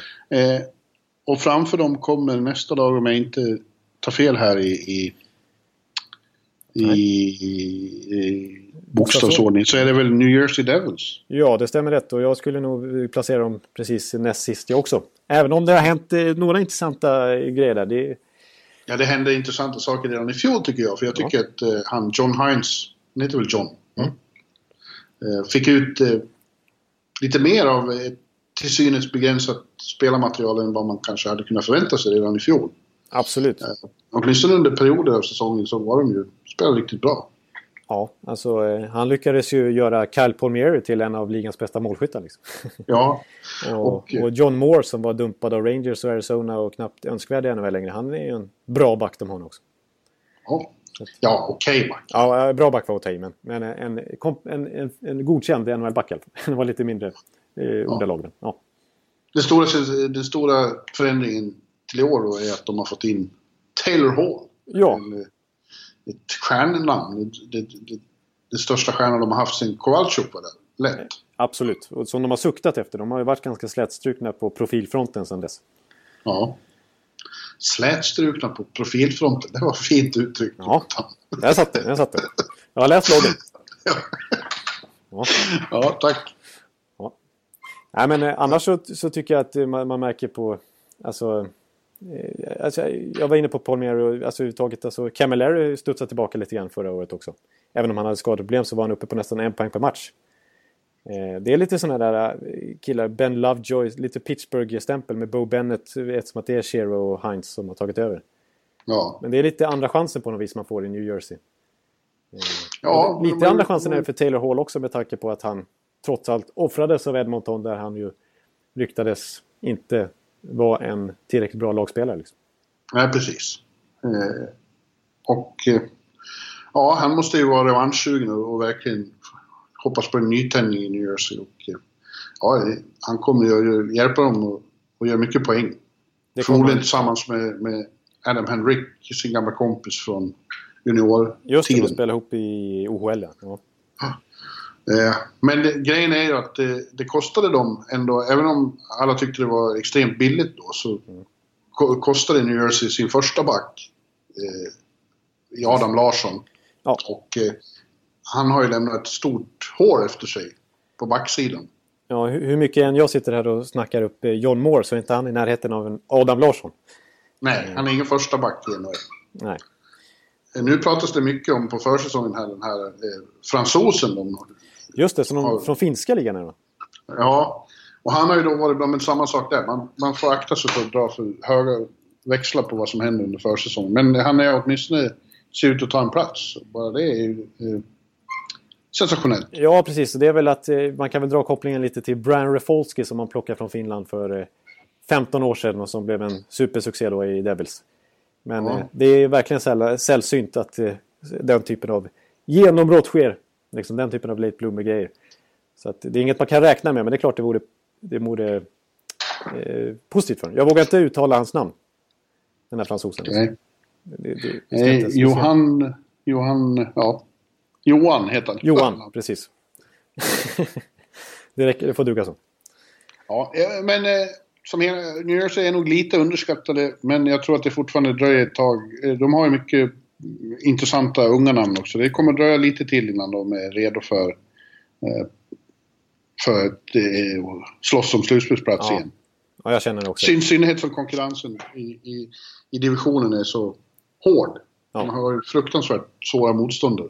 Precis, och det är svårt att, att liksom få en riktig edge där när man fortfarande är inne i en process som de är. De är, inte, de är långt ifrån klara än. Men de går ändå åt rätt håll, så är det ju. I, i. Ja, sen har vi New York Islanders då. Deras grannar. Ja, Eh, som i vanlig ordning väntar man på att nu, men, nu kommer väl lyftet snart. Det stora lyften kommer upp på samma nivå. De, det gick framåt i fjol. De vann sin första slutspelsserie sen 93. ja just det. Eh, men det känns fortfarande som att eh, de har inte kommit upp på, på, på den nästa nivå. Nej, Eh, som man borde med, med John Tavares i laguppställningen. Man väntar på att han svepar med sig det här laget. Och det verkar ju Garth Snow, general managern, hålla med om. För han gjorde ju en del förändringar i somras. ja eh, jag har faktiskt punktat upp eh, de tre stora förändringarna som jag tycker har skett både ut och in i laget. Och då tycker jag att det är lite, lite sämre än vad det var förra året på pappret ändå. För eh, de som har försvunnit är ju Frans Nielsen, Kyle Oposo och eh, Matt Martin framförallt. Och in har då kommit Andrew Ladd, P.A. Parento och Jason Chimera. Kan man säga. Ja. Ja, jag tycker, eh, precis som du säger, på pappret känns det inte som förstärkningar. Eh, Andrew Ladd är väl en fin kille, men han känns också som han är på väg åt fel håll. Långsam. Jämfört med alltså då skulle jag mycket hellre haft kvar Nielsen. De är i samma ålder men Nielsen känns inte som att han är riktigt är på väg neråt än. Han har inte samma spelstil eller som är lika påfrestande för Nej. tar, tar ut sig med ålderns rätt liksom. Så att eh, ja, och jag menar Parento funkar ju fantastiskt bra med, med Tavares förra gången. Det blev ju hans Inte stora... fantastiskt bra. Han är okej. Ja, det fungerade bra. Ja. Men inte, det var inte... Inte, inte innebar så bra. Nej. Så att, eh, det, det, det, är en, det är en försvagning utan tvekan jämfört med Kyle Oposo. Så är det. Och Chimera tycker jag också är en försvagning mot Matt Martin i den där superfjärdelinan som all, i alla fall var spektakulär, spektakulär att titta på med så mycket tacklingar de hade. Ja, men där tror jag Chimera är, är på ungefär samma nivå ändå. Ja, precis. Det är, det är precis. Man ska inte överskatta Matt Martin som Toronto gjorde som skrev ett äh, lite för dyrt kontrakt med honom.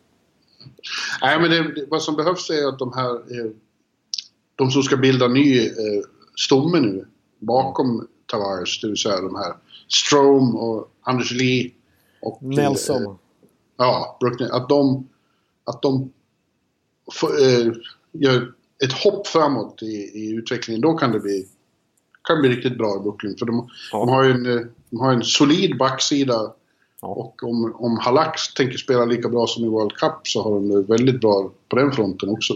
Precis, alltså målvaktssidan känns ju väldigt trygg där med tanke på att Thomas Greis visar framfötterna så pass mycket i slutet på förra året. Och så Halak då som, som, som borde vara redo för första spaden igen nu. Så som han spelar. Eh, Ja. Så att, eh, ja. Men jag, jag känner, du som du sa där med, med Strome och så här, så det är lite Toronto-situationen där med alltså, Nyqvist, Tatar och så här. Att man väntar att de ska ta ett steg till. Men nu har de stått stilla. Detroit-situationen menar du? Ja, Detroit, eh, precis, i Islanders. Alltså att, att, Ja. att, att just de här killarna som har stått stilla. Ja, du sa Toronto-situationen. Toronto-situationen. Ja, Det, det, lät ju, ju det illavarslande. lät ju väldigt illavarslande. Usch. Nej, men, Nej, men eh, Detroit, ja, jag håller med. eh, sen är det klart att de, Men- de hoppas lite grann på eh, nya sensationer. Fortfarande är ju Matthew Barzell och Anthony Bövlier kvar på, på campen som var första val förra året och som har sett bra ut. Men det kanske är lite för mycket att hoppas på redan den här säsongen. Men de har, de har ju lite... De har ständigt de senaste åren fått fram lite nya killar hela tiden. Men som sagt, ingen som, som riktigt eh, varit tillräckligt bra för att komma upp och, och, och, och lyfta Tavares. Liksom. Nej, och jag, ja, de kommer få kämpa för, eh, slutspelsplats i år. Jag, mitt, min chansning är att de hamnar precis utanför eh, i wildcard-racet. Eh, för att konkurrens, konkurrensen är så skarp också i divisionen. Ja. Det är andra lag som är på väg uppåt. Däremot så kommer de kunna, tror jag, säga att de är bäst i New York. Alltså, Eh, för nästa lag vi tittar på är New York Rangers och de tror jag är på väg neråt. Du, eh, ja, du är hård mot, eh, mot stadens lagen. Mot Manhattans. Ja, jag tror att de... Eh, jag tycker att han Jeff Gorton hade en okej sommar med tanke på förutsättningarna. Mm. Så knöt han ju till sig väldigt mycket bra bredd och djupspelare. Ja, men som vi sa tidigare, djup och bredd är ju bara intressant om det är komplement till väldigt mycket spets. ja, det är där det måste börja. Ja, och utan spets, vad gäller den spets, spetskompetensen så har det inte hänt så mycket. Det är, det är, man förlitar sig på samma killar plus Mika Zibanejad då. Ja. Ja. Samtidigt är backsidan den den är. Eh, eh, Mark Stahl och Dan, Girardi, Dan Girardi kommer att vara tongivande och det är inte bra. Nej, precis. Och nu har de dessutom tappat både Jandel och Boyle som var offensiva styrkor Ja, för. Jan- Jandel ville ju inte eh, Vigneault veta av. Han Nej. använde honom fel. Obegripligt. Han Tycker- höll ju Girard- Girardi högre liksom. Kan man nästan säga. Ja. Så, Eh, så, så tyvärr sen, ja visst, de, de tog det här Harvard-kapet, Jimmy Vesey, men det känns inte som det kommer få någon effekt i år redan. nej, han, Det han har, hoppas på för mycket. jag har förstått att han har vunnit Lars-Erik Schuberg Award. Ja, som bästa rookie på camp. Ja. Eh, sen har ju Zibanejad sett väldigt bra ut och, och igår eh, bildade han, på den här matchen jag såg, han bildade en väldigt bra kedja med, med Chris Kreider och eh, ryssen Pavel... Eh, eh, ja, det såg lovande ut men det är igen, det är försäsong. Och jag tror att eh, eh, Rangers står i bästa fall på samma nivå som i fjol eller har blivit lite sämre samtidigt som konkurrenterna, några av dem, bara blir starkare och starkare. Så jag tror att för första gången sedan 2010 har jag svårt att se att Rangers går till slutspel. Såvida inte eh, herr, herr Gorton använder några av alla de här namnen han knutit till sig och få till en riktigt bra trade. Det kan ju ändra allting. Men Ja. de går in i säsongen som icke-slutspelslag, tycker jag. Ja, jag håller med om... Jag, jag, jag, jag, jag, delar kring Rangers. Alltså jag ser när jag har skrivit upp. Jag har dem faktiskt som en sista... Jag har dem som ett wildcard-lag. Mhm. Men det är, ja, jag håller med där. Alltså, backsidan är ju, en, är ju inte bra. Liksom. Den är, det, det, McDonough är ju liksom stabil. En, en absolut första backspar Messi. Men sen Girardi och Ståhl eh, har definitivt backat. Inte minst Girardi och Klein och, och Nick Holden som man tar in här. Liksom, nej. Eh, jag är inte så eh, faktiskt. Jag är inte, eller faktiskt faktiskt, men jag är inte så orolig för Henke Lundqvist ändå. Han har, tycker jag inte har visat några tydliga tecken på att gå ner sig enormt. Utan, Nej, nej, absolut inte. att, eh, Han var ju, han var ju väldigt, väldigt bra i två matcher i World Cup. Och eh, ja, han såg väldigt alert ut igår också, åtminstone i två perioder. Exakt, och, och visst, eh, eh, visst blev det väldigt många mål bakåt när de mötte Pittsburgh Penguins här i slutspelet. Men då var det hela Rangers som blev totalt överkörda. Så det, spänns, det, var, inte, det var inte en målvaktsfråga direkt, utan han blev ju väldigt ensam där. Mm. Eh, så att det, det ska man inte dra några större slutsatser av. Annars gjorde han ju en stark säsong i fjol, eh, Henke. Japp. Eh, jag är lite, jag är lite, däremot så vill jag ändå lyfta fram deras offensiv där. Alltså visst, eh, Zuccarello vann ju poängligan förra året på bara 61 pinnar. Det är ju väldigt lite för att vinna en, intern poängliga på. Så det är ju det problemet med spetsen. Att Stepan, Ja. Kreider och det är ju inte riktigt eh, eh, alltså, de som är alltså, tillräckligt bra för att leda en offensiv. Men sen så har de ju...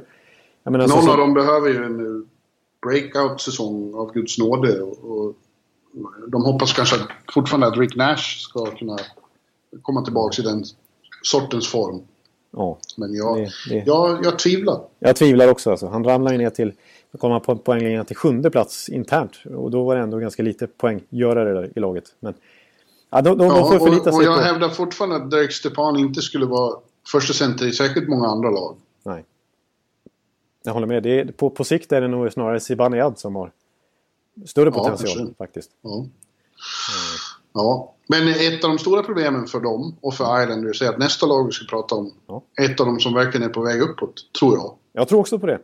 Som vi såg igår. Philadelphia Flyers känns eh, som Hextall har gjort ett riktigt, riktigt bra jobb med. Ja, där måste man verkligen lyfta på hatten för det var en nästan omöjlig situation han, han försatte sig i när han tog över efter Paul Holmgren med massor med jobbiga kontrakt där i Le Cavalier och Amber Ja. McDonald och allt vad det var. Och så här snabbt har han fått ordning på det. Jag menar, backsidan som... Det är bara några år sedan så känd, kändes som de hade eh, ligans stabbigaste eh, backuppställning. Och nu, det nu känns det... Ja, nu är det Go- Ghostisborough, eh, Provorov. Provorov Ja. och eh, Del Sotto på uppgång. Det, Ja, det känns ju liksom riktigt läckert.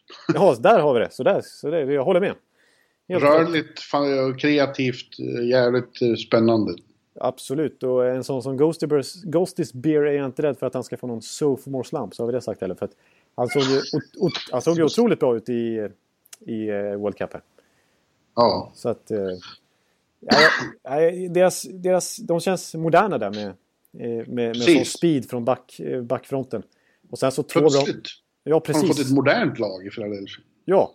Och ingen Ilja Bryskalov i kassen utan nu är det faktiskt eh, både Mason och Neuvert som känns eh, nästan när, närmast fyra plus båda två faktiskt. Ja, Alltså som, som målvaktspar betecknat i alla fall så, så känns det stabilt. även framåt. Det, det tog de gick Offensiven eh, eh, hämmades lite i fjol. Framförallt tror jag att Voracek hade ett eh, mellanår. Precis, och Eh, extremt men- dålig eh, skottprocent. Alltså så här, o- abnormt dålig utdelning liksom. Men eh, den här försäsongen indikerar att han är på väg tillbaks med A Vengeance. Ja, Och eh, vad han och Giroud kan göra ihop vet vi. Eh, De har också fått en, ja, nu, återigen, försäsong är försäsong, men eh, den här, vad han nu heter, eh, har varit en, en stor sensation. Connectnell. Ja, Precis. eh, ja jag tror, jag tror eh, bara på, på slutet här har jag blivit begeistrad av Philadelphia och tror att de tar tredjeplatsen i den här divisionen. Ja, det, ja precis. Jag, jag, jag håller med dig. För jag har skrivit upp dem som tre också som ett ordinarie lag. Och Braden Chen tog ju lite ett, ett kliv till förra året också. Och, eh, Ja. och sen så kanske, alltså ingen, absolut ingen sexig värvning men man hoppas att eh, i Philadelphia att en sån som Boyd Gordon kan kliva in och, och vara en bra PK-spelare så att, eh, så att eh, Claude Giroux slipper spela 22 minuter per match och spela alla spelformer. Så att man kan spara honom till powerplay och viktiga 5 mot 5 situationer istället. Ja, jag tror Arne Weise är en bra... eh, Arne Weise, Dalle, Dalle Weise där är ju, är ju, är ju, känns som klippt och skuren för Broad Street Bullies. Ja, och, och, ja precis. En, en bra rollspelare i, i, i den miljön. Ja. Ja, Och jag gillar Ja, ju det- Bellemare också som rollspelare. ja. ja kul. Eh, det händer saker. Ett lag som så snabbt förvandlas. Det måste ge hopp åt andra också. Det går. Ja, eh, i en, Om man är smart. i en knivig cap-situation så kan man göra som Ron Hextell och, och eh, få, få fart på grejerna ganska snabbt. ändå. Ja, ja det är imponerande. Ja. Men de är inte lika bra som sin konkurrent på andra sidan delstaten, Pittsburgh Penguins. Jag tror att Pittsburgh Penguins har bästa chansen på otroligt länge att upprepa. Det har inte hänt på 20, snart 20 år. Eh, Men Pittsburgh Penguins, som de spelade hela slutspelet och nästan ja, en och en halv månad i grundserien på slutet, så var de världens bästa hockeylag. Ja, utan tvekan. Och det, och det är samma lag i princip som, som kommer ut igen. Ja, det är ju det som är fascinerande. Att det, det är ju nästan ingen skillnad på det här laget. Utan det är, det är några små skavanker. Att är Ben Lovejoy har lämnat typ. Eh, och- ja, annars är det ju nästan samma lag. Till och med Matt Cullen valde ju att stanna en säsong. 40-åringen. Så att eh, det Ja. jag, håller he- jag håller helt med där. Det enda skillnaden är väl att de får lyfta Stanley Cup i så fall i PPG Paints Arena. De har döpt om Ja. Consol Energy Center från. Ja, men det är, och det är inte bara samma lag utan det är lag där fortfarande många av dem som var väldigt framstående under, under det här lyftet är väldigt unga, rimligen på väg uppåt samtidigt som de har några riktiga superstars som är i sin absoluta prime Ja, ja visst. just nu. Och de verkar fortfarande hungriga. Jag menar, se på Sidney Crosby i World Cup. Det var inte som att han tog lätt på det. Nej, han var bäst Han överlägsen. brann för att få vinna där Ja. också. Nej, precis. Och eh, nej, den, den, den, eh, den forwardsuppsättningen så kan, kan Kessel göra en, en grundserie i år också. Och, om man kommer igång det så, så pass tidigt och inte bara slutspel. Som han verkligen visade i fjol så, så, eh, Ja, då kan de utmana Washington och, och, ta sådär groteskt mycket poäng som Washington gjorde förra säsongen. Faktiskt. Ja. ja men det var, de spelade hockey som konkurrenterna hade så svårt att... att, att visst, nu, nu hinner många kalibrera om och, och, och anpassa sig ofta till när ett lag är så överlägset som Pittsburgh till slut var. Det, det säger något att... Jag tänkte på det när jag skrev den här jävla preview. ja. Det säger något att, att St. Louis vart avslöjade som för långsamma i, i serien mot San Jose. Ja. Men sen vart San Jose avslöjade som för långsamma mot Pittsburgh. Ja. Det säger något. Det säger någonting om... Ja, det säger väldigt mycket om Pittsburgh Penguins. Ja, eh, precis. Så att... Eh, och just det faktum det här som vi... Alltså, som du var inne på tidigare i podden här. Att man har, man har extrem spets. Men man har bredd också. Ja, precis. För det har de ju verkligen. De, alltså ända ner i fjärde kedjan. Eh, och jag menar ja, att man kan... även på backsidan. Alltså, det var ju många backar som på pappret såg inte så märkvärdigt ut i det här mästarlaget. Men, men den geniala coachen Sullivan fick ju eh, backkollektivet att uppträda eh, ja, just som ett kollektiv. Och alla gjorde samma sak. Det var snabbt ut med puckarna. Inget, inget eh, inget bluttrande med pucken i egen zon.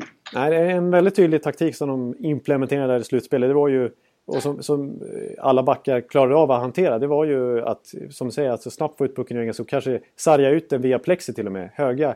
Bara få ut den ja. på yta i, i mittzon. Och sen så hade man ju det snabbaste laget i NHL som nådde de 50-50 puckarna hela tiden.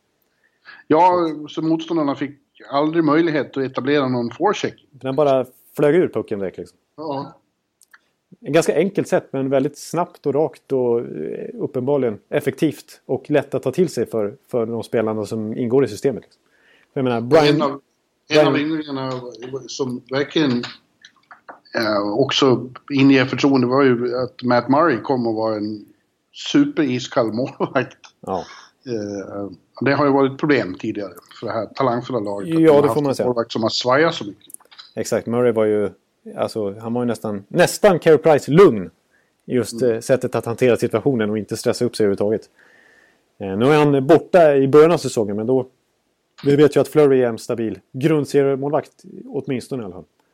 Så att det ser, ser riktigt bra ut i Pittsburgh. Ja, ja jag, jag, jag tror, tror väldigt mycket på att vi får se finalhockey i, i, där i Pittsburgh igen. Ja. Yes! Ja. Vi, vi går vidare. Slutligen, mm. slutligen i vår, vår genomgång av östra konferensen så är det ett lag som eh, säkert kommer att vara svinbra i grundserien igen, men so what? För Washington Capitals handlar det bara om... Säsongen börjar när slutspelet börjar. Ja. Ja, så de, de har ett fantastiskt lag, vi vet. De kan dominera enormt, men de måste, måste, måste förbi den andra slutspelsomgången, annars är det fiasko. Ja, jag håller helt med. Alltså, de tar ju helt hiskeliga 120 poäng i grundserien förra året. Helt överlägset bäst. Eh, ja. Men sen så blev de också, kanske, avslöjade kanske fel ord, men, men också... Ja, det, det var ju inget snack om att, att Pittsburgh var bättre när de väl möttes. Eh, så att det, det, finns fortfarande saker att jobba på med här. Annars så tycker jag att, att de har alltså nästan det kompletta laget. Det har jag sagt flera gånger om Washington. För jag tycker de har en fantastiskt bra målvakt. De har en backsida som är väldigt bred ändå. Ja, alltså, solid, habil. Liksom. Precis, de har, inte en, de har ingen P.K. Subban eller kanske Chris Letang eller Brent Burns. Men de har John Carlson, de har Carl Alsner, de har Matt Niskanen och så vidare. Ja. Eh, så att, och de gjorde ett, ett, De har inte gjort mycket under sommaren men eh, ta in Lars Eller som ja. tänkt tredje center. Perfekt tredje center tror jag. Mm. Ja. Och jag tror han kommer passa i Washington-stilen också för att eh, han var ju faktiskt den spelaren i Montreal, om jag inte är helt ute och snurrar så tror jag att han var det som, lite oväntat kanske, som hade bäst possession-siffror i Montreal. Alltså han, jag tror han kommer passa i ett spelande lag som Washington. Även om han kommer ha en roll i bottom 6 så tror jag att det, det, det, det pluggar igen ett hål där. Alltså det, det är centersidan nu med Bäckström, Kuznetsov och, och Eller där, det är riktigt bra. Ja, ja. men igen, det handlar bara om vad som händer i slutspelet. Ja. Ja, jag håller med dig. Törs, det törs inte jag säga någonting om. De, I så fall måste de ta sig förbi Pittsburgh och det blir fan inte lätt. Nej, vi, vi har inte getts många indicier, eller vad säger man, indikationer på att, eh, alltså, att, att, fort, att liksom säga att det här är året, trots allt. För nu har vi sagt det så många gånger. Och det tar ja. ändå tvärstopp. Och jag, Ja, jag törs inte säga något. Ja, Det är däremot- mentalt också. Däremot vill jag säga att det kanske är sista chansen nu i år eller nästa. För att, ja kanske i år skulle jag vilja säga för att eh, nästa sommar då går Kuznetsovs kontrakt ut. Då går, ja vilka har vi fler? Vi har eh, eh, TJ Oshie, vi har Justin Williams. Och lite sådär. Så att eh, då, då kommer de inte eh, kunna ha så här bra lag nästa år. Så är det bara. Nej, och några kommer att gå neråt. Brooks Orpik och, och Ja. Company. Så det här är nog Nej, det är det mest ultimata Washington-laget de kan ha på, eh, inom ett par års sikt här. Ja, absolut. Eh, Så att det, det, på det sättet, eh, sättet är det faktiskt nu eller aldrig tror jag. Och, och frågan är hur många mer 50 målsäsonger 31-åriga Alex Ovechkin har i sig. Några till har han nog. Men eh, han börjar ju... Ja, han, är inte, han är inte purung längre. Lite yngre. Nej. Men eh, har, du, har du framför dig eh, någon slags sammanställning vad du tror eh, eh, om du har eh, divisionerna för division här? Eller Atlantic Ja, om jag får trycka på datorn. Men du skäller ju på mig för Ja, att jag jag inte får rö- röra på mig. Ja, exakt. Nu- Nu får du, mitt, eh, nu får du min tillåtelse. Ja. Jo. Atlantic har jag då. Mm. Etta Tampa Bay. Tvåa Florida. Trea Montreal. Fyra Buffalo. Femma Boston. Sexa Detroit. Sjua Toronto. Åtta Ottawa. Åtta Ottawa. Åtta.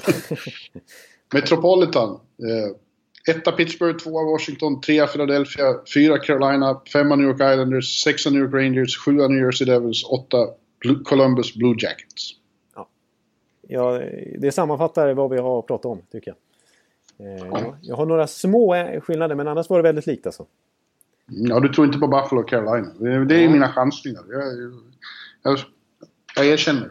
Ja, ja jag Det har... kommer ännu fler när vi går igenom väst, kan jag tala om. Det är så pass? alltså. Ja, just det. Just det, just det. Mm. Ja, min, mina tråkval är då helt enkelt att, att jag, har, jag har fyra lag från respektive division som går vidare. Jag har Ja, Florida, det har jag. Florida, Tampa, Montreal och Boston från Atlantic. Och så har jag Washington, Pittsburgh, Philadelphia och då New York Rangers.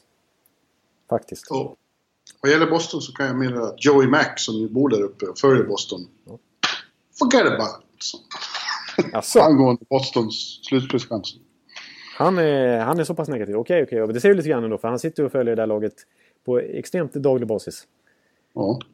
Nu fick jag förresten eh, ett mail från New York Rangers om att de eh, trimmar sin camp roster. Oj då. De har assigned eh, Christopher Neves, Magnus Hellberg, Nathan Gerby och Tanner Glass Oh! till Hartford. Då blir Tobias Pettersson glad. Tanner Glass. Stort! Det trodde Ja. man inte om Vigneault nästan, att han skulle till slut släppa honom. Att, eh, ja okej, där ser man. Vet du en annan eh, detalj då eh, kring eh, eh, Rangers som jag vill framhäva då om eh, när Tanner Glass är borta. Då, är faktiskt, då har de faktiskt lyckats med en liten föryngring i offensivt. Då är bara Rick Nash den enda spelaren över 30 år i, av alla forwards de har uppe i NHL. Ja. ja, det är fint. Så att, eh, Ja, men hörru du. Nu ska väl du ta tag i ditt eh, jävla... Ja, det är fortfarande en kvart kvar. Ja, det börjar närma sig eh, eh, nedsläpp, avspark och allt vad det heter. Eh, så jag, har fått, jag fick, jag fick något, något litet sms där. Det var i alla fall ett trevligt sms. Det var lite eh, emojis av olika slag. Från- Någon slags, från redaktör, redaktör Lagnelius, ja. Precis. Ja. ja, ja. Men, eh, Men du, min vän. Vi återkommer inom kort med väst, eller hur? Ja, precis. Det här var alltså eh, våran, eh, våran, våran östra special som blev lite kortare än vad, vad jag hade tänkt på. Det får, jag, det får ni skylla på mig eller på, på Lagge, säger vi då. Vi skyller på Lagge. Ja. Inte på mig. Nej, utan det Jag är- hade all tid i världen. För Exakt, du hade kunnat suttit i två timmar till här. Ja, Bara jag. snacka på. Så att vi får se, vi kanske kan vara ännu eh, lite mer eh, utbroderande kring, eh, kring West där det dessutom är bara 14 lag och inte 16. Precis. Vi återkommer inom Ja. kort. Och eh, vi tackar så mycket för att ni lyssnar på det här avsnittet så hörs vi när det är dags för 120 nästa gång. Det gör Det vi. trevligt. Hej, hej! Hej! Oh, take me where the hockey players face off down the rink. And the Stanley Cup is all filled up for the champs who win the drink. Now the final flick of a hockey stick and a one gigantic scream. The puck is in, the home team wins the good old hockey game. Oh, the good old hockey game is the best game you can name. And the best game you can name is the good old hockey game. Oh, the good old hockey game is the best game you can name. And the best game you can name is the good old hockey game. Yeah.